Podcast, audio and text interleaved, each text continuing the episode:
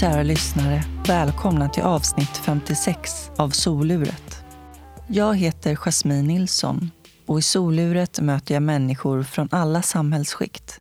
Och med varje livshistoria belyses olika ämnen. Jag är nyfiken på vad som formar oss till de vi är. Kan en avgörande händelse påverka eller definiera en människa? Eller är det årsringarna som formar oss? Hur påverkar miljöer och människor oss? Hur påverkas våra vägval av våra förutsättningar? Dagens intervju spelades in i Kulturhuset Dieselverkstan i Stockholm. Min huvudsamarbetspartner är det internationella hjälpmedelsföretaget Invacare.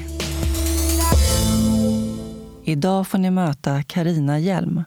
En kväll berättar Karinas dotter att hon ska konvertera till islam och bli praktiserande muslim. För Karina var islam en främmande värld och hon föreställer sig sin dotter som en vingklippt fågel i bur. År 2018 kom Karina ut med boken Islam, min dotters val. Och idag driver Karina företaget Sundare livsstil och är coach, yogalärare och föreläsare. Här kommer Karina.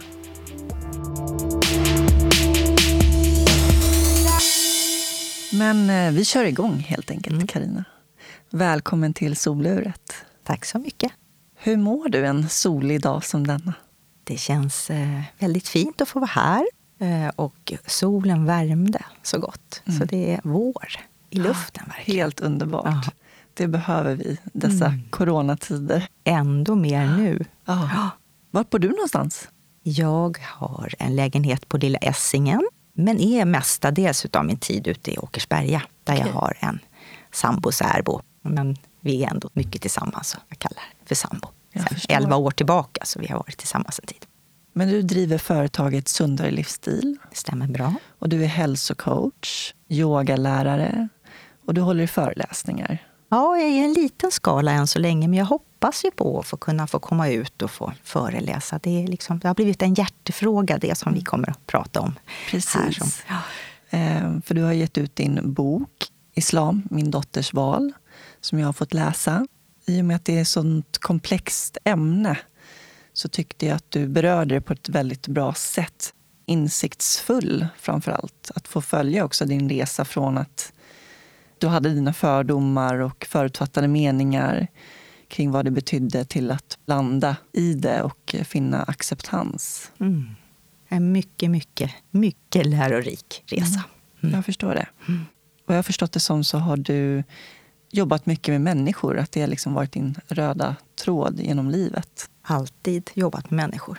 Med barn några år och är undersköterska i botten så jag jobbade några år på sjukhus också. Och sen så valde jag att gå vidare då till ja, social omsorgare var väl examen så att säga. Men, men det är ju egentligen socionom i dagens bemärkelse. Jag övergick också under tiden som jag studerade till Socialhögskolan. Då. Så um, jag jobbade många år sen inom kommunal verksamhet med bistånd och hemtjänstassistent som mellanchef och ja, lite olika saker. Sen valde jag ju att ändra riktning 2011.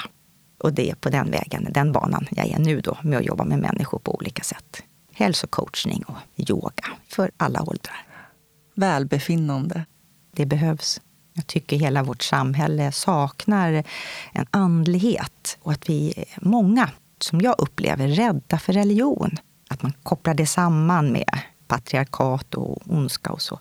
Ändå har vi så många troende människor på vår jord. Så ja, det är komplext det där, men den här andligheten eh, och ensamheten sammankopplat, det är någonting som Ja, kanske det här kommer att bli det som är coronatiden nu. Vi vet inte vad som kommer att hända framöver, men det kanske blir någon form av något uppvaknande när vi ser att vi kan inte fortsätta med det att ha det här materialistiska och, och de yttre värdena. För det är, mår vi inte bra inom oss själva så går det aldrig att fylla på från utsidan och in. Vi behöver från insidan och mötas vi människor. Ja, verkligen. Vi lever i ett individualistiskt samhälle. Ja, det gör vi absolut i allra mm. högsta grad och har gjort länge. Och också mm. egentligen, tycker jag, förordat det att du ska vara stark och ensam är stark. Fast det är vi ju inte. Men eh, berätta vart du kommer ifrån. Jag kommer ifrån Stockholm, södra sidan utav stan. Har hunnit bli 55 nu. Vad föddes du in i för familj? Jag föddes in i en familj med en mamma och en pappa. Jag har inga syskon, har inte haft det genom livet. En liten sorg har väl varit det. Alltid önskat mig något syskon. så. Mm. Ehm, men så blev det inte. Mina föräldrar skilde sig när jag var fyra år. Då. Så sen har jag varit hos min pappa någon gång i månaden på helgen. Då, så sen var jag mestadels hos mamma. så att säga. Hur var din barndom då? Jag har jobbat lite grann med min barndom på olika sätt med lite bearbetning för egen del, i samtalsstöd och i höstas gick jag, som Katarina församling har, Livsstegen, som egentligen är Olle Karlsson som är präst. Och han har skrivit en bok och har ordnat de här programmen tillsammans med sin fru. Då, då som går de här tolv stegen som kommer ifrån tolvstegsbehandling. Så i grund och botten finns ju många olika former av grupper med det. Men det har jag gått för att bearbeta. Så att, eh, tidigare så, så mindes jag väldigt mycket Absolut så fanns det ju mycket fint ifrån min barndom, men det kom gärna upp liksom lite tråkigheter och sådär. Så att jag har jobbat med det för att kunna se ljusglimtarna och tycka att det var ju faktiskt mycket, mycket, mycket fint som fanns där i min barndom. Men eh, innan har det varit mer att jag har sett de tråkigare händelserna som var kopplat till med alkohol och annat som fanns i min barndom. Det var ju så att jag växte upp med mamma, så ja, det var väl mer kanske pappa som in, han hade svårt för helt enkelt. Jag kan inte säga att han var alkoholist, jag vill inte säga det för att det var inte så att vi pratade i de termerna. Och han har aldrig sagt någonting sånt själv, han lever inte idag. Så. Men, men ehm, det är slutsatser som du har gjort senare i ja, livet? Ja, precis. Att, att ändå, jag har ju sett orsak och samband kring det här med alkoholen och vad det, vad det gjorde i relationen mellan mamma och pappa som påverkade mig och mig och pappa som påverkade och även andra släktingar och så runt omkring som fått jobbat med att finna, finna den acceptansen till att det var som det var och att det fanns orsaker till det. Hur var det då när, när du som barn såg det här och upplevde det? Fick du hålla det inom dig då? Det var mycket som jag höll inom mig. Ja, det var det. Och jag tror att det finns ganska mycket fortfarande kvar. Jag tänker så här, det kommer upp underifrån. Vi ser det vi ser som finns ovanför ytan. Men det där under, det är så mycket som vi inte känner till, som ligger i det fördolda. Särskilt om det är trauman och så. Som är. Men det kommer upp när man börjar att kika på saker och ting och börjar jobba med sig själv. Så kommer det upp allt eftersom. Så eh, det var mycket som jag bar. Jag blev, kan man säga, ganska snabbt vuxen. Fick ta ansvar för olika saker jag inte som barn skulle behövt mm. gjort. Så. Och det finns ju stunder jag ser tillbaka som jag kan känna verkligen sorg över att det var som det var. Att jag skulle önskat att det hade varit på ett annat sätt. Men det vet jag ju att det inte går. Så mm. att förlika sig med det, att det var som det var och att var och en gjorde utifrån de förutsättningarna som var rådande, det man kände till som var bäst då. Vi är alla olika. Så jag vill omfamna det med, med kärlek, det som var. Men den lilla flickan har jag ofta fått plockat upp numera när jag sitter i meditation och får ta fram henne och krama om henne och, och liksom låta henne få det som hon inte fick då. Mm. För jag tror mamma och pappa hade väldigt mycket fullt upp med sitt eget, med sig själva och så.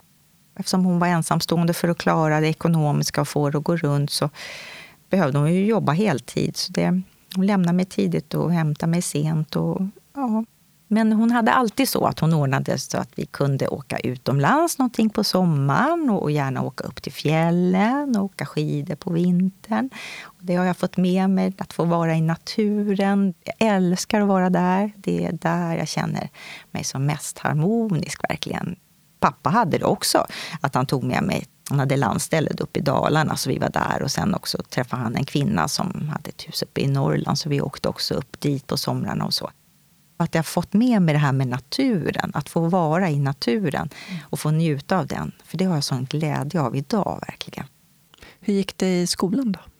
Det var i sjuan där jag bytte klass i och med att vi flyttade från Kärrtorp till Bagarmossen. Så att jag började sjuan där. Och den klassen, det var en klass som hade hängt ihop då sen ettan. Så de var väldigt sammansvetsade och vi var några tjejer som de kom tillsammans från en annan skola. Och sen när man kom in i den här klassen så var det lite tuffare attityd. Så det blev nog en väldigt tvärvändning. Och jag skulle vara tuff och jag skulle ha de här kläderna. Och ja, det fanns en osäkerhet för mig, ville så gärna passa in. Så. Så sjuan gick ju sådär. Men sen så tog jag mig i kragen ändå. Så åttan och nian, jag gick väl ut med någorlunda bra betyg. Och så vidare sen till undersköterska och sådär. Men tonåren var stökiga rent generellt. Jag flydde från mycket smärta som fanns där inombords. Ehm, var ganska destruktiv på olika sätt och vis.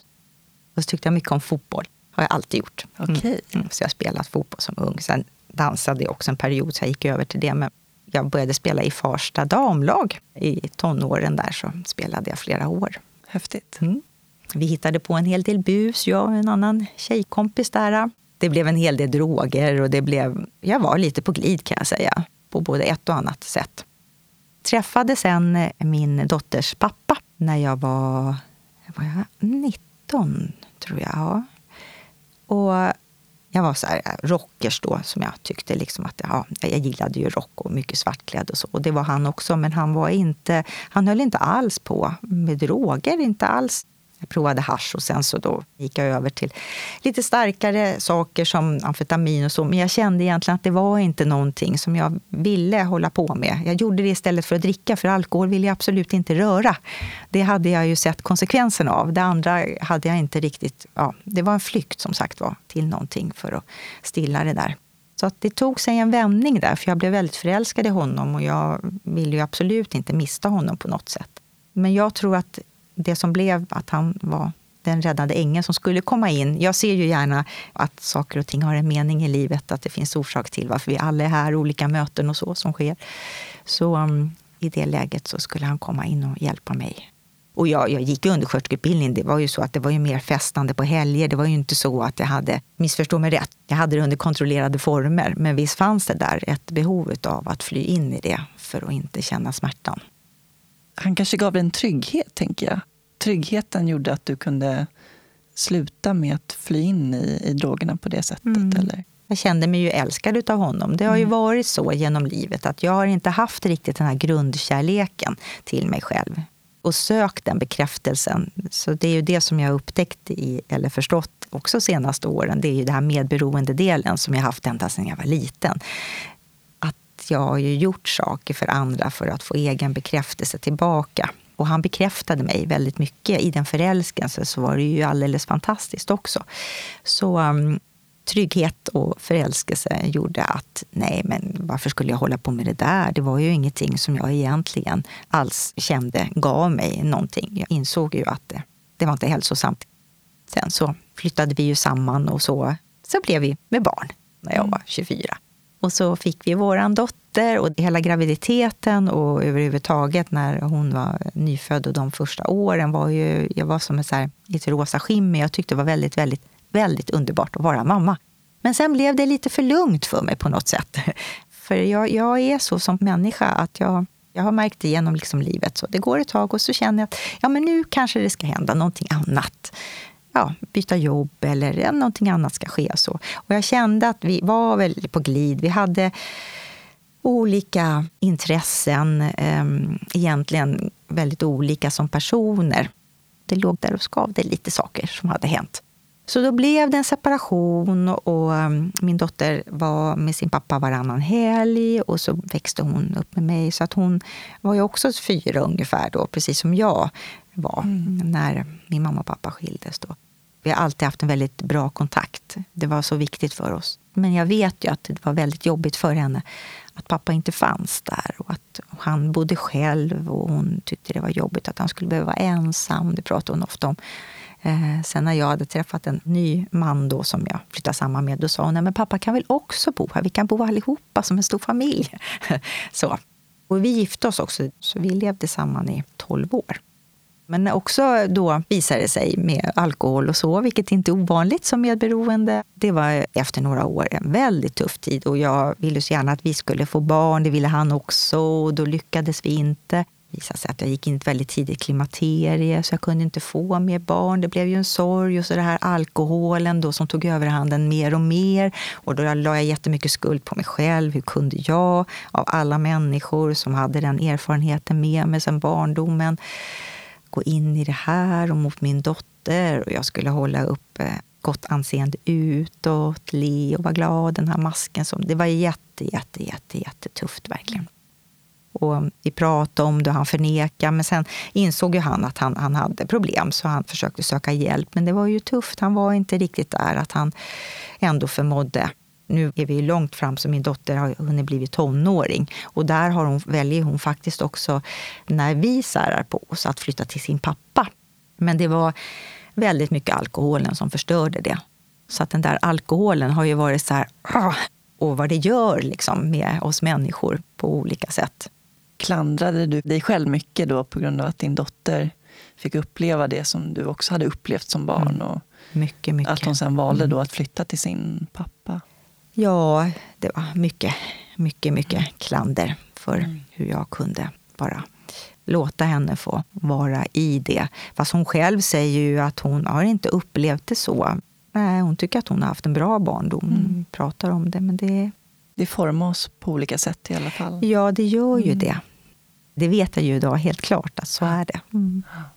Jag vill också göra klart för eh, våra lyssnare, för vi kommer ju prata en del om din dotter. Mm. Och eh, hon har gett sitt medgivande att eh, vi får prata om henne. Det är okej. Lisa är ett fingerat namn. Alla ja. namnen i boken, eller personer som nämns, har ju fingerade namn.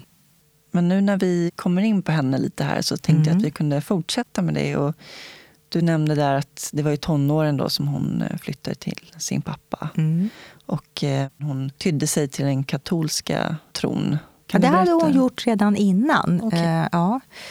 Hon gick i en internationell klass. Och min upplevelse är att mer eller mindre så hade alla en tro. En av hennes närmsta vänner också hade en pappa som präst. Och så. så eh, jag tror att det blev ett väldigt naturligt inslag. Både jag och hon har varit sökare genom hela livet och haft det här andliga. Dock ville hon inte konfirmera sig. Det var hon väldigt klar över att det ville hon inte göra. Men hon sa att hon var katolik. Hon bar ett kors eh, runt sin hals. Och när vi var inne i kyrkor, för det har vi varit i en del kyrkor på resor runt om i världen och även kyrka här i Sverige. Inte så att vi har gått något överdrivet, för att hon har inte någon kristen eh, uppväxt. Hennes pappa är ateist och jag har väl kallat mig som andlig. Men vi har ändå gått i kyrkan, för vi har tyckt att kyrkan varit en väldigt fridfull och fin plats och då var det alltid så att hon hade någon liten ceremoni så när hon kom in och hon, hon liksom bad och, och, lite så. Och jag mer gick och satte mig i en kyrkbänk och bara tittade mig omkring. Så det var väl på den nivån som det var. Hon praktiserade inte. Vad tänkte du om det då? Reflekterade du någonting kring det? Eller det, bara, Nej, inte det kändes bara naturligt? Det kändes bara mm. naturligt. Mm. Hon hade ju också en muslimsk pojkvän under gymnasietiden och jag reflekterade inte mycket över det heller. För att um, Ja, de levde ju som vilka andra ungdomar som helst. Att han var muslim, följde ramadan, kanske att han bad ibland. Aldrig någonting som jag såg eller vi pratade om. Han var inte praktiserande på det viset. Så. Sen hade ju inte hon och jag den dagliga kontakten under gymnasietiden eftersom hon bodde då med sin pappa. Mm. Så eh, jag tyckte inte att det var något konstigt. Nej. Nej. Det var under gymnasiet som hon åkte på volontärresa till Uganda. Ja, hon tog studenten först, mm. gjorde hon. Och då fick hon eh, som ett stipendium för att åka dit och arbeta som volontär på en skola. Och då hjälpte hon de barnen som hade det lite tuffare som extra stöd. Då var hon där några månader. Uganda bland alla platser. Ja. Det är inte så jättesäkert land att åka till. Vad tänkte du om det? Fanns mycket oro där. Mycket rädslor. Och jag kunde inte förstå riktigt det där. Och jag tyckte att det var en god sak. Och visst hade väl jag tänkt när jag var ung att jag ville åka till kibbutz i Israel, men jag kom ju aldrig iväg. Det var ju bara tankar. Så, så um, jag försökte väl prata och det. Men det var ju ändå en organisation som hon åkte med, så det kände jag trygghet med. Hon var ju mm. inte ensam som ung tjej att åka dit och, och vara på skolan. Det har varit så i min dotters liv. När hon bestämmer sig för någonting så är det så som det blir. Men eh, så åkte du givetvis ner dit då för att hälsa på henne. Mm, det gjorde jag. Bara att flyga har jag förstått var lite läskigt. Jag har varit flygrädd, fast jag har ändå klivit på plan och alltid haft någon som en trygghet vid min sida att hålla en hand. Där hade jag ju inte det. Då skulle jag ju åka ner själv. Så det var ett jättestort steg. Jag fick jobba verkligen med mig själv. Men jag ville ju ner och hälsa på henne. Mm. Jag ville ju det. Så jag skulle liksom klara det. Men, men um, det var tufft. Det var jättetufft. Så um, åkte jag ner. Det var väldigt fint att få vara där nere och få se hur hon hade det. Så en dag så vill hon åka med dig till en moské. Mm. Vad tänkte du kring det? Jag blev så, jaha, ska vi inte till en kyrka? vi brukar ju besöka kyrkor, ska vi till en moské? Men så tänkte jag då att det var ju någon, kommer inte ihåg om det var en tredje största i världen eller hur det var, men, men eh, att ja, vi är ju också i Uganda. Så då gick vi dit. Och det var ju en upplevelse i sig. Men din dotter hon eh, kom igång där med mattan och bönen mm. och så vidare. Och vad tänkte du då? Jag såg att hon tittade på den kvinnan i mm. den ritualen med att man knäböjer och så. Jag tänkte att ja, hon gör som hon brukar göra då när vi går in i kyrkan, när hon har sin bönestund där, den ritualen. Så tänkte hon ville prova att göra det som nu när vi var inne i en moské. Ingen annan tanke kring det. Nej. Hon ville visa respekt för ja, den religionen. Ja, det har vi alltid gjort. Visat respekt genom att sätta på någon liten längre kjol när vi gått in i kyrkan och dolt axlarna. För att det är ju så i de flesta religionerna, ja. när man går in i heliga byggnader, att inte komma in med bara axlar eller ja, så. Men sen var det liksom ingenting mer med det. Men däremot senare mm. på kvällen när det kommit hem så började hon läsa ur Koranen.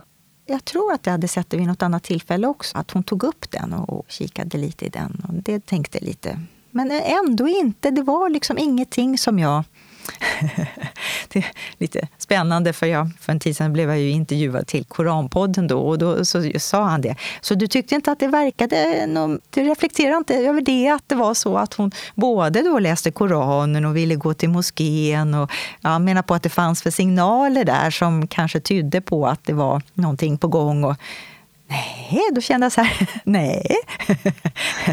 ja, nej, det gjorde jag inte då. Det var ingen anledning för dig att oroa dig? Nej, jag kände mig som att hon var en trygg, grundad, mm. väldigt eh, stark kvinna som visste vad hon ville. Och jag fick ju jobba med min oro hela tiden också. Mm. Och olika rädslor. Så hon verkligen sagt flera gånger nu mm. att hon är min lärare i livet. För hon har ju tränat mig att få möta så mycket saker som jag aldrig annars skulle någonsin ha mött och jobbat med när det gäller för min egen del, för mig mm. själv. För att förstå saker kring vem jag är som person. Mm. Och sen, ehm, det tog ju ett tag innan hon berättade för dig att hon skulle konvertera också. Mm. Och där bodde hon ju lite hos mig, så där kommer ju då igen var vi lite närmre. Och, och jag vet ju också att hon och hennes pojkvän eh, någon gång satt vid datorn och, och tittade lite på Ja, jag vet att de pratade om olika symboler inom islam. Och gudsbegreppet vet jag att de också någon gång satt och pratade om att det skilde sig till exempel mot katolicismen och lite sådär. Och sen så ville hon gå ur Svenska kyrkan. var väl också någonting som Eh, sådär. Men, men eh, det var ändå inte så att jag... Nej, jag kunde verkligen inte i min vildaste fantasi tro att hon skulle välja den vägen som hon valde. Jag kunde mm. inte det. Inte då. Och sen eh, en kväll mm. så berättade hon för dig att hon ska konvertera. Mm. Hon och... kommer in, jag är precis på väg och ska somna och så slår hon sig ner. jag måste få berätta, jag måste få... Och jag, oh, det är så sent, kan vi inte ta det imorgon? Ja, men man kunde ju inte vänta till morgondagen, för nu var det ju så. Det, har ju, det är också lite så som har varit typiskt henne, att hon berättar i sista stund gärna så, för att hon förstod ju hur min reaktion förmodligen skulle bli. Så um, drog ut på det. Det var väl inte lätt heller att berätta då. så. Men då var ja, jag måste, jag måste bara få berätta det nu att imorgon ska jag träffa en imam då i Medborgarplatsens moské och så ska konvertera till islam. Och det var ju, ja, det blev ju alldeles nattsvart. Jag var alldeles så livrädd och helt chockad. Det är ju svårt att beskriva exakt vad det var som hände, men jag vet att det snurrade massor hela den natten. Eh, tankar och oro. Jag bara vankar fram och tillbaka. Och jätte, jätte, jätte, jätte, jätte, jätterädd verkligen var jag. För för mig så var islam en kvinnoförtryckande religion som ja, jag, jag, kunde inte förstå. Det fanns ju så många andra vägar. Hon hade ju pratat om att hon ville bli psykolog och alltid tyckt om att resa. Och det som jag sa där, min bild av henne, för mig då var ju då att vad händer då? Vad, vad händer med henne som kvinna då, när hon väljer att, att gå in? Jag tänkte att nej, hon måste ha blivit eh, hon kan inte liksom vara riktigt eh, vid sina sinnesfulla bruk. Hon, hon är inne i någonting eh, som en förälskelseprocess som man inte riktigt ser klart eller någonting som, vad har hänt? Och jag, jag måste få henne att förstå liksom, allvaret i det här. Mm. Men det gick ju inte att nå henne. Hon gick ju dit. Och hon, hon hade bestämt sig. Hon hade bestämt sig. Mm. Och det hade hon ju tänkt på länge. Det var inte så att hon bestämde det här över en natt. Nej. Hon hade processat det här länge innan hon kom dit.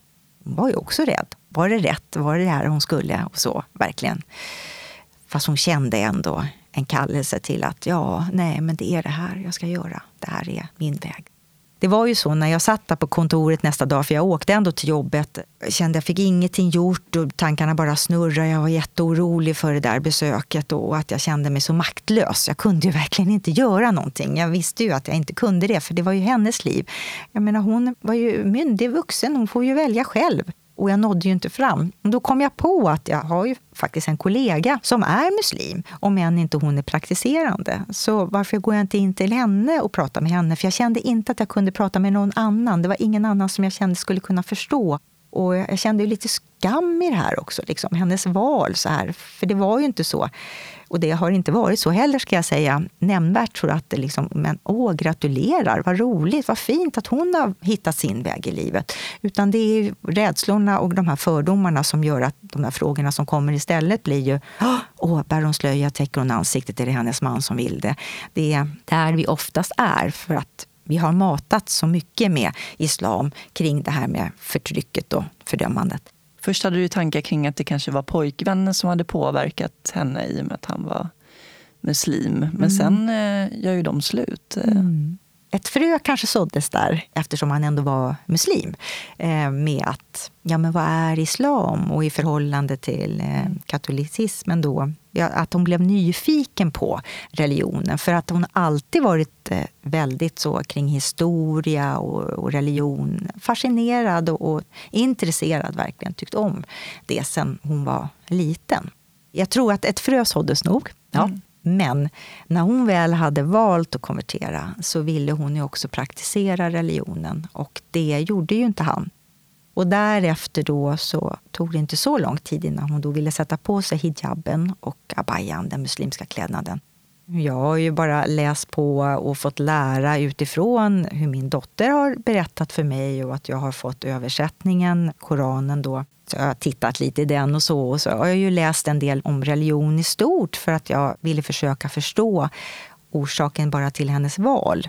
Det är så många som lever som muslimer på så många olika sätt men ändå har sin tro. Så det finns ju en doktorsavhandling på en studie med kvinnor som har konverterat till islam i Sverige. Och det visar sig i den studien, och det har visat sig i andra studier också, även de som konverterat till katolicismen och så, att praktisera sin religion när man har konverterat, det finns mycket trygghet i det. För att också man vill göra rätt och ja, man följer det som står, det budskapet som är Sen kan man ju tolka Koranen också på olika sätt. Det är ju en text och vi är alla människor. Och återigen de här traditionerna, sederna, bruken. Men för hennes del handlar det om kärlek. Kärlek till sin Gud, vördnad till sin Gud och tacksamhet och göra gott för sig och för andra det har ju inte funnits någonting som har varit av ondo i det Nej. med hennes val. Men som sagt, i fördomar, som jag hade massor, massor, massor, som jag inte hade en aning om. Och också i rädslor. Vår hjärna, vi föds ju med två rädslor. För höga ljud och för att falla. Sen har vi liksom tränat in de här eller vi, vi matas med olika rädslor. Vi kan bära på massor av rädslor. Jag var en väldigt rädd person hjärnan kan inte riktigt skilja på det som är verkligt och det som är Eh, fantasin. Så det är så lätt att bygga upp någonting och, och se framför sig det värsta, värsta scenariot. Och för mig då, som var just den här hijaben och abayan, ehm, det var ju förtryck och att, att liksom dölja sig, gömma sig. Och, ja, och jag kunde inte alls förstå. Jag såg henne som en vinklippt fågel i bur och var så rädd för också allt det här främmande nya. Allt som togs ifrån mig, som jag var van och trygg med och det nya som blev hennes sätt att leva på. I det var det ju sorg förstås, en stor förändring och maktlöshet och också väldigt mycket rädslor. Hon var lycklig. Jag kunde se henne, hur lycklig hon var. Men vi stod så långt ifrån varandra då. Mm. Fast jag, och jag ville ju inte lägga någon skuld på henne heller. Så jag skulle också bära även det, precis som jag hade gjort tidigare då i relationen med alkohol och det som varit. Så skulle jag ju bära det här också och visa utåt ett leende och att allting var bra. Och blev mm. som musslan som kröp in i skalet, ville liksom inte prata, benämna det här. för ville helst inte prata om henne överhuvudtaget. Och det var ju jätte, jätte sorgsamt och jätte, jättejobbigt den skammen som var i det. Ja, men det kan man ju verkligen förstå med tanke på vilka fördomar omgivningen har. Och alla har åsikter och mm. tankar och idéer kring det. Mm. Liksom hur du ska hantera omvärlden också. Inte bara dina egna känslor, utan även andras. Mm. Hur var det att liksom bemöta dem och deras fördomar? Det var jättetufft. Det var jätte, jättetufft. Och så här med facit i hand så är det hijaben och abayan som har varit det tuffaste. Det är en riktigt het potatis. Mm. Aj, aj, aj, den är så jobbig. Ja. Den där heta potatisen. Och det är så mycket diskussioner och så mycket tyckande och tänkande. Och om islam också, såklart som religion. Men, men framför allt eh, den klädseln. Det är som att du får försvara din dotters val hela ja, tiden. och det är ju inte jag som har gjort det valet. Det är hon som har gjort det valet. Mm kom frågor upp om henne så var jag snabb med att jag bara berättade men det är bra, så klippte jag, så ville jag inte prata mer om det. Och nya bekantskaper så nämnde inte jag. Så det fanns de som inte trodde att jag hade barn. Som min sambo särbo här då, hans vänner där. Som, det fanns de som inte visste om innan boken kom att men har du en dotter? Jag hade ingen aning. Jag trodde inte du hade barn. För jag hade inte pratat om och hon bodde ju inte här heller då. Så. Men det var ju förstås enormt tung sorg att bära på. Och jag ville ju så gärna bara stå upp på barrikaden och säga ja men det här är hennes val. Hon måste få välja själv. Vi har en religionsfrihet i vårt land. Och känner hon sig trygg med det och hon vill ha den här hijaben och abayan. Vem har rätten att säga att hon inte får ha den? För det är lika mycket förtryck att säga till en kvinna som själv väljer den att hon inte får ha den. Vi har ingen rätt att göra det men vi, vi tar oss rätten att säga ja men det är ett förtryck. Det är ett förtryck. Det är klart att det är ett förtryck. Det finns jättemånga som står upp och pratar om förtrycket. Och med all respekt, om man levt i ett land där det råder förtryck och det är tvång, så förstår jag verkligen det. Men i vårt land som vi har en demokrati och vi har en religionsfrihet så är det ju inte så. Utan vi får välja själva. Och då blir det också det blir såna kontraster. Och då hörs det här, men det hörs inte de kvinnorna som själva väljer. Och de är många. Det är inte så att det är bara någon enstaka. De är många mm. som jag har stött på nu. Men eh, det är intressant att vi, tycker jag, att vi säger att nunnan, vi ifrågasätter inte hennes beslöjning och egentligen inte heller Moder Maria, för hon är faktiskt beslöjad också, har alltid varit det. Vi ifrågasätter inte det, utan där ser vi som att det är nunnan har valt det här själv. Det är därför vi inte ifrågasätter. Och vi tycker att det är naturligt och hon får ha så. Men, men för en muslimsk kvinna så lägger vi in ett förtryck i tanken och värderingen. Och det gör att vi kan inte se det som att det är ett eget val. Och jag vill också säga att även den praktiserande muslimska mannen har ju också sin klädnad, långt skägg. Och det, det finns liksom för både män och kvinnor hur du ska förhålla dig gentemot varandra. Men det var väl hennes pappa också ett bra stöd, att ni liksom kunde prata med varandra om det här? Mm om hela ja, den här förvandlingen. Absolut. Och sen också att jag hade ju träffat en ny man i samma veva ungefär som hon konverterade. Så um, han har ju funnits med hela tiden och han har varit ett enormt stöd, mm. verkligen. Det som blev extra tufft var ju att min mamma gick in i en hon blev pensionär och hon hade sorg över det. Och det blev en sorg även för henne, hennes enda barn, barn det här som vi bygger på saker under livet. Vi fyller på en ryggsäck som vi egentligen skulle behöva tömma och blir den där proppad och det blir väldigt tungt att bära på allting. Hon gick in i en depression och den varade i flera år. Så det var också, hon fanns inte där.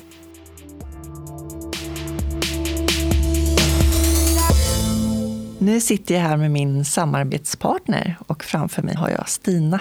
Hej Jasmin. Hej, hur är läget? Tack, det är bra. Hur är det själv? Det är bra, tack. Vad gör du för någonting här på Invacare? På Invacare så jobbar jag som produktchef för sittdyner och madrasser och det kombinerar jag också med att arbeta med utbildning. Och idag ville du lyfta dynor. Ja, dyner är någonting som är otroligt viktigt. Inte bara för att man ska sitta skönt och få komfort utan också för att man ska kunna sitta i en bra position för att kunna leva ett så aktivt och rörligt liv som möjligt. Men självklart också för att man ska undvika att man får några trycksår. Trycksår är ju någonting som eh, kostar både otroligt mycket pengar men eh, självklart så måste vi lyfta upp det mänskliga lidandet mm. för att det, det tror jag nog är mera kostsamt än vad pengarna är. Och eh, vi på Invacare vi samarbetar ju med ett företag som heter Vicare som är ett företag som finns i Nederländerna. Det är en känd produkt ute på marknaden, inte bara i Sverige utan faktiskt i hela världen. Och eh, dynorna som vi har är ju tänkta för tryckavlastning och positionering. Och eh, uppbyggnaden av dynorna är gjort av hundratals små luftceller. De här cellerna ser ut ungefär som en, jag brukar säga en gammal hedlig juicetetra eller en mjölktetra som mm. är som en liten trekant. Och eh, tanken med de här cellerna som kallas för smart cells är att man ska få flexibilitet för de är inte sprängfyllda med luft utan de är lite flexibla så att man ska kunna sjunka ner i dynan ordentligt. Luften som finns gör att det blir ett väldigt lågt tryck mot kroppen. De här cellerna har också ett material som är väldigt rörligt, det vill säga har låg friktion, så att de glider mot varann väldigt enkelt så att det formar sig runt baken. Det är en säker produkt. Du behöver inte kontrollera dynan speciellt ofta. Vi brukar rekommendera var tredje månad för att titta så att inte någonting har gått sönder. Men säkerheten hamnar ju också när vi tänker på att går det sönder en eller två celler så spelar det ingen roll för du har fortfarande säkerheten att du har tryckavlastningen utifrån de andra hundratals cellerna. Jättebra. Dynorna kallas för Vicair O2 och eh, det syftar ju lite på både luft och eh, renlighet. Vi ser fram emot nu att verkligen få föra ut budskapet runt omkring fördelarna både för eh, enkelheten för förskrivarna men också för de som ska mm. använda dynorna. Tack så jättemycket Stina för informationen. Tack Jasmin. Ha det bra. Detsamma. Hej hej. Hej hej.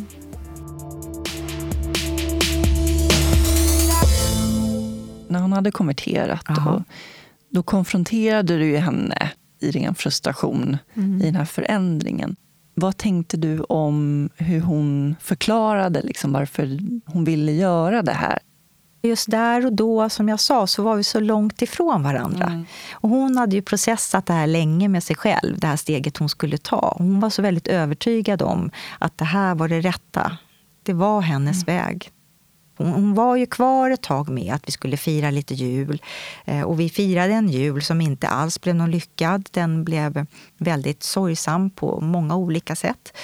Så um, jag förstår att det var mycket enklare för henne, eftersom hon också ville praktisera verkligen religionen, att klippa av banden så med de svenska traditionerna och så. Men för mig så var ju det det enda som jag hade fått med mig i mitt liv. Det var ju att fira födelsedagar ihop och få fira jul och få fira påsk och kanske vara tillsammans på midsommar och det som nyår och sådär. Ja. ja, det blir ju också en sorg då att det bearbeta. Det var en väldig sorg att bearbeta. Att hon fanns inte där. Och jag blev som ett utanförskap i det svenska samhället. För det var jag van vid, att fira de här traditionerna. Och sen stod jag där och firade inte med henne. Sen kunde mamma och jag fira, eller jag firade med andra, men hon fanns inte med. Det var ju hon som var liksom åh, mitt allt. Jag kände mig väldigt maktlös och väldigt mycket i en sorg. Det är ju en sorgeprocess. Vi genomgår ju många sorger genom livet. Vi pratar oftast om sorg mm. i samband med att någon människa dör. Men vi har ju så mycket. En pension till exempel, det är inte ovanligt att det kan bli en riktig sorg. Alla olika former av skilsmässor eller relationer som bryts upp. Ehm, ja, vad det nu än må vara för någonting på olika sätt och vis. Och det här blev en väldig sorg för mig. Att mitt enda barn, som jag älskade så mycket, skulle välja den vägen och inte kunna liksom som tidigare gå på bio som vi gjorde, eller på konsert eller gå in i kyrkan då för den delen heller. Utan eh, för henne blev det ju... Ja, hon ville ju välja att leva som muslim. Jag ifrågasatte, jag ifrågasatte den där julen tillsammans med min mamma. Vi gick ganska hårt åt henne då på julafton och då var hennes pappa med. Och det är jag väldigt glad över att han var med som en balans där för att försöka få oss att lugna oss, för vi var väldigt kritiska. Varför ska du ha hijaben eller abayan? Jag tyckte vi fick blickar på oss. Jag ville inte ha några blickar. Jag ville inte att människor skulle titta. Jag ville bara vara som alla andra, bara smälta in. Jag har inte velat liksom vara den där som skulle sticka ut. Um, och det har, ju haft, det har ju handlat om mig, min egen otrygghet och, och självkänsla som varit låg. Det krävs Så. ju ett enormt mod att följa sin egen väg. Att bryta mot normen. Mm. För man sticker ut då när man går med hijab. Och, ja. Mm. Det är ett jätte, jättestort, modigt steg Precis. av henne att ta. Men hon var ju så stolt. Och det är hon än idag. Men hon är så bra tycker jag också. Med, hon vill ju inte som till exempel intervjuas. Jag har ju varit i flera intervjuer i tidningar och hon vill inte träda fram och berätta. Jag skulle ju aldrig ha skrivit den här boken utan att hennes tillåtelse. Hon har varit med på hela den här resan. Hon vet vad jag har för syfte och vad jag vill med det här. Men hon vill själv inte stå i frontlinjen. så. Men om det är så att hon möter någon som ifrågasätter eller så, så förklarar hon väldigt tydligt och klart med Eh, det här är hennes val och det här, att man får respektera att det, det är så hon vill leva. Det finns ingen annan som tvingar henne till någonting. Det är helt hennes egen vilja, hennes önskan. Och så stark övertygelse i det. Mm. Men du började läsa på lite mer om islam. Och var det också ett sätt till att försöka hitta någon slags acceptans i det? Ja, det var absolut en, en bearbetningsprocess för mig för att komma ut ifrån sorgen. För jag höll ju krampaktigt fast i ett förflutet. Jag ville liksom vrida tiden tillbaka. Det går ju inte att vrida tiden tillbaka. Och det gynnade ju inte mig på något sätt att vara kvar i det, i den sorgen. Jag grät ju enormt mycket. Det var ju jätte, jättejobbigt så. Um, det var så mycket som kom upp. Vi har så mycket under ytan. Det kom upp en massa saker där då som jag bar på. Som gjorde att jag helt enkelt började att jobba en process med mig själv. Ja, och den har ju varit ganska lång och där är det också för att förstå hennes val och för att eh, själv... Ja, jag har velat veta helt enkelt. Jag har velat eh, få ihop alla delarna för att öka min egen förståelse och landa i tilliten och acceptansen till att hon mår bra, hon vill det här och jag lever mitt liv och jag måste må bra och göra det som känns bra för mm. mig. Så då fick jag som tips att ja, men ska du inte kontakta en imam och gå och prata? Och då gjorde jag det. Det kändes väldigt bra. Jag försökte ju se, fanns det någon annan som hade varit med om något liknande? Någon annan förälder vars barn konverterat? Om det fanns någonting skrivet om det eller så. Men det fanns ingenting. Jag kunde inte hitta något. Jag kände mig väldigt ensam i det också. För jag tänkte jag kanske överreagerar. Varför reagerar jag som jag gör? Jag förstod ju inte. Det var lång tid som jag inte förstod liksom, att jag bar på så mycket fördomar och rädslorna och vad som, var, vad som hängde ihop till hur, hur jag agerade. Men ju mer jag läste, desto mer förstod jag. Det är väldigt många troende människor på vår jord och att religion, generellt forskning har visat att har man en tro så har man en större tillit till livet. Det finns en lyckoaspekt, tillfredsställelse med livet när man har en tro. Och det är genom det som jag också har eh, sett, och också genom mitt arbete och det jag jobbar med nu, att det är många unga som inte mår så bra i vårt samhälle och ändå har vi det så väldigt, väldigt bra på många sätt. Men, men vad är det då som saknas? Jo, det är att, att det är så mycket till det yttre.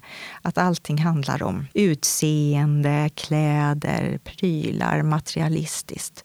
Det går aldrig att fylla på det från utsidan och in. Vi måste må bra med oss själva där inne och Jobbar vi aldrig med det själsliga eller det andliga perspektivet, vi inte tänker på det, så vi bär alla på en historia. Ja. Och vi vet ju inte hur det är att gå i någon annan människas skor.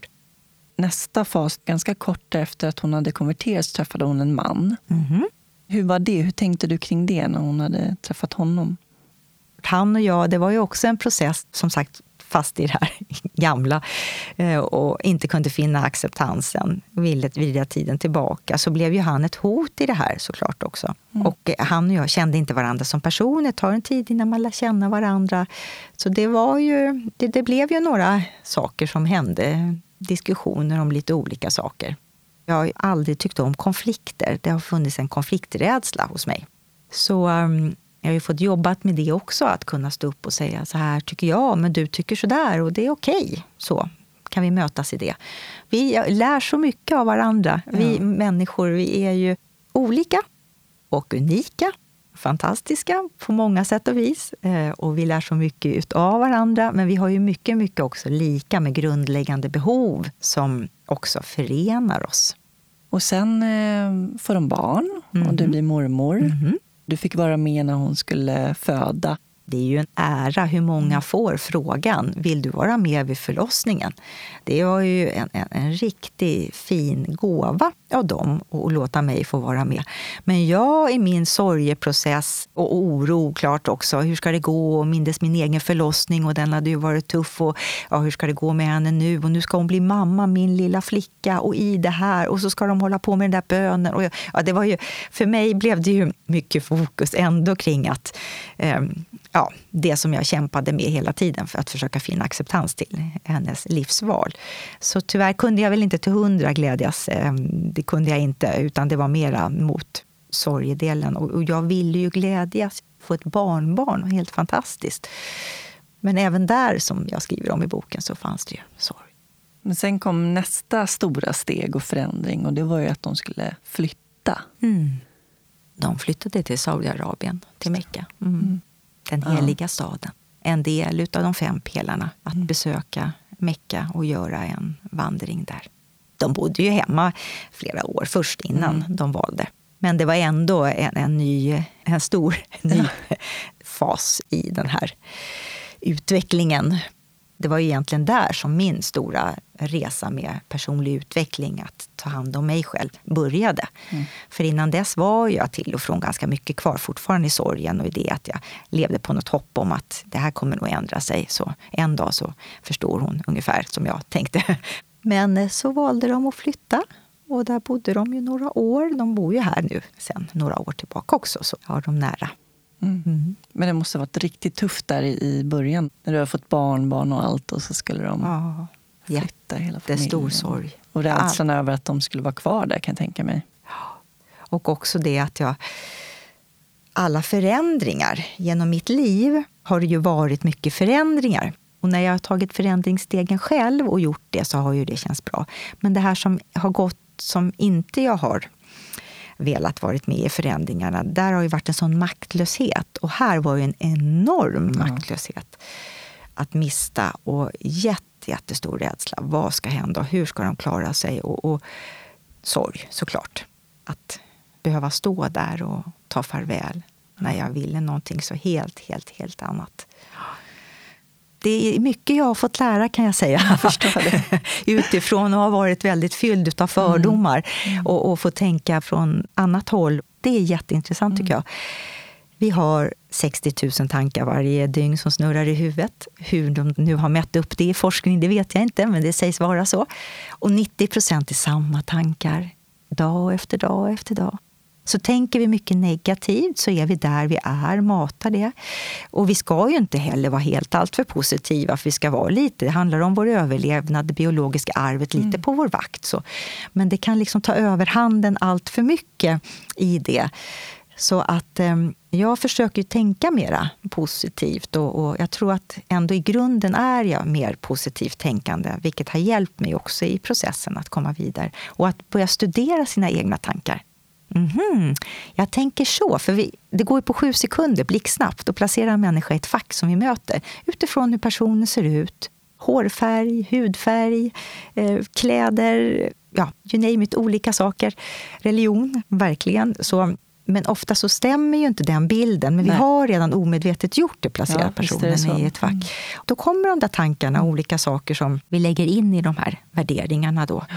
Och det är där som är så intressant att stanna upp. så här Mm, men varför tänker jag så här?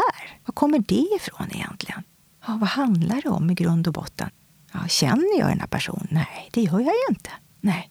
Var kommer det då ifrån? Ja, mm. förmodligen då traditioner, kultur, vad jag har matats med. Mm, referenser. Väldigt mycket ja, mm. massmedia och normer. Och, och, att vi är ganska snabba på att ifrågasätta andras val som vi tycker är annorlunda mm. val. Nu vill jag verkligen stå upp på barrikaden och, och stolt säga att det här är mm. hennes val. Så nu gör jag ju det genom min bok också. Därför var det så mm. viktigt att skriva den. En det. egen process, bearbeta, men också att få ut den och försöka att förmedla budskapet. För jag tänker att ifrågasätta det då så tydligt, men andra saker kanske vi inte ifrågasätter. Som då varför har vi unga som inte mår bra i vårt samhälle? Och vad är det som gör att vi vill förändra vårt utseende på olika sätt och vis, även som ung? Inte vara nöjd med att jag ser ut som jag gör. Jag har lite mindre läppar än någon annan. Eller jag har lite, kanske inte de höga kindkotorna. Eller jag har inte så stora bröst. Då kan jag ändå vara tillfreds med att jag ser ut som jag gör? Mm. Eller behöver jag förändra? Och varför behöver vi förändra? Och hur är vi vuxna i förebilder där också? Men det är inget som vi ofta pratar om. Då är det här valet som min dotter har gjort så annorlunda och konstigt. Medan egentligen kanske vi ska titta lite på oss själva. Mera hur vi är i agerandet gentemot andra och våra åsikter och tankar. Var människa måste få göra som man själv vill.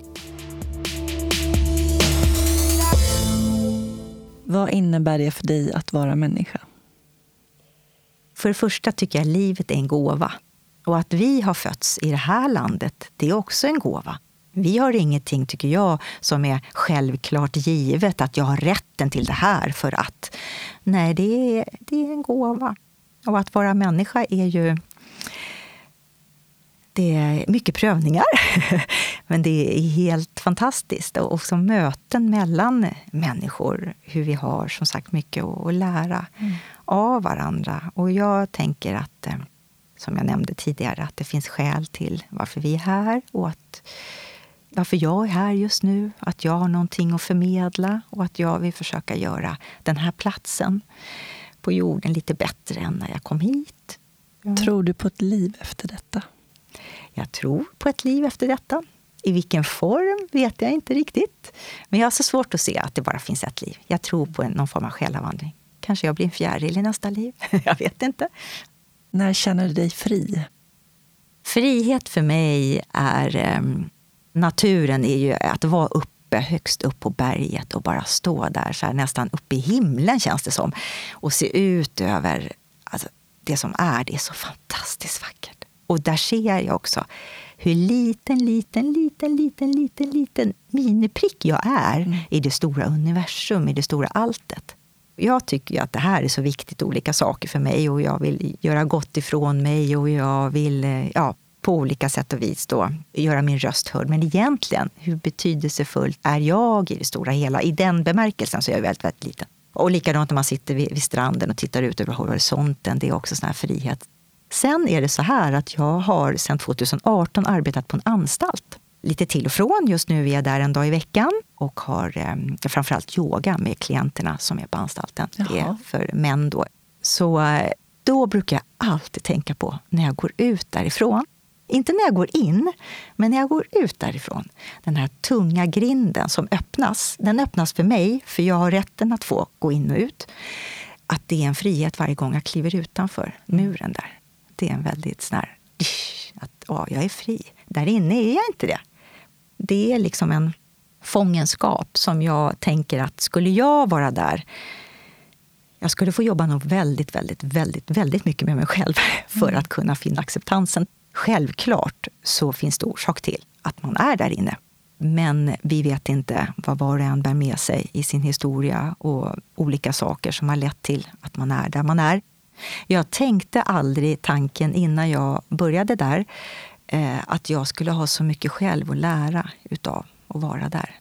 Men jag lär mig varje dag. Det är väldigt mycket tankar till reflektion.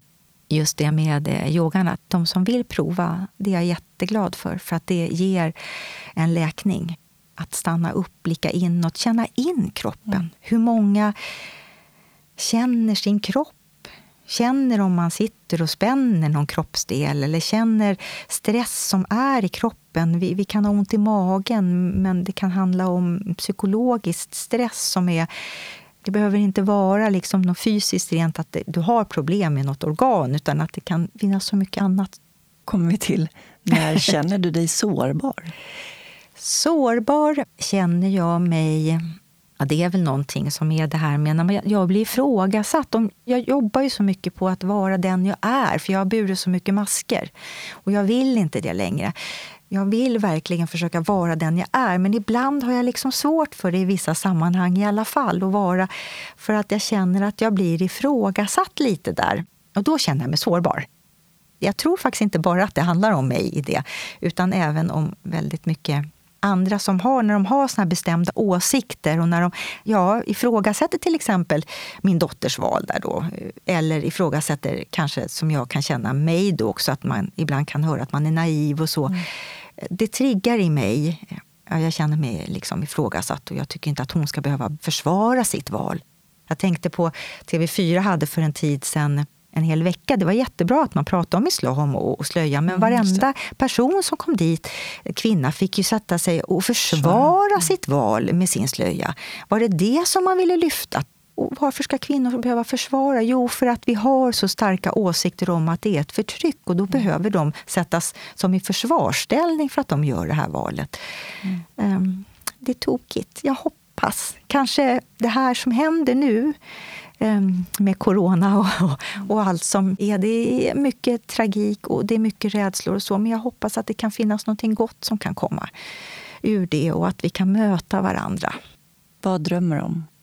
Jag kommer aldrig ge upp hoppet kan jag säga, först och främst om att vi ska sluta fred.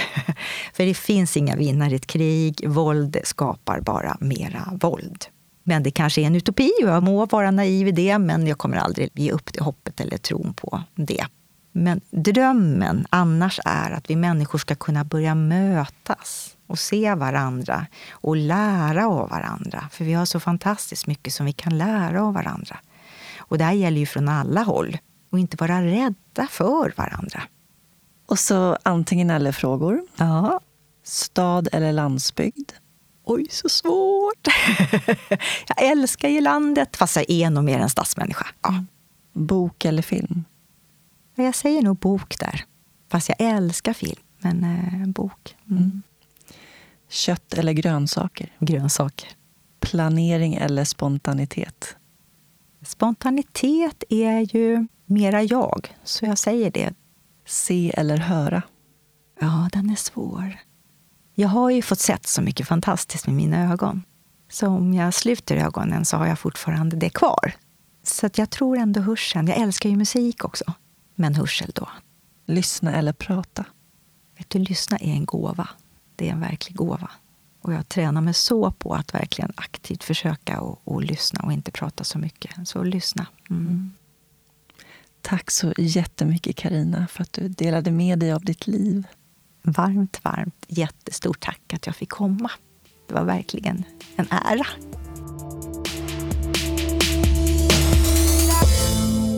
För mer information om Karina och hennes verksamhet kan ni gå in på sundarelivsstil.se. Hennes föreläsning handlar om fördomar och rädslor. Varför finns de? Var kommer de ifrån? Hur påverkar de oss fysiskt och psykiskt? Och hur begränsar de oss? Soluret har en hemsida, soluretpodd.se. Där kan ni lyssna på alla intervjuer och även komma i kontakt med mig. Prenumerera gärna på soluret i din podcastapp så missar du inte kommande avsnitt. Tack till min huvudsamarbetspartner Invacare. Mer information om Invacare och deras produkter hittar ni på invacare.se.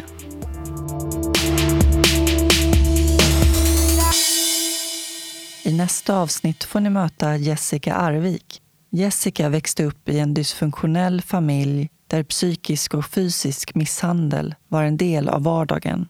Under tonåren utvecklade hon ett allvarligt missbruk och självskadebeteende för att på något sätt återta kontrollen över sig själv. Tack så mycket för att ni lyssnade och ta hand om varandra där ute.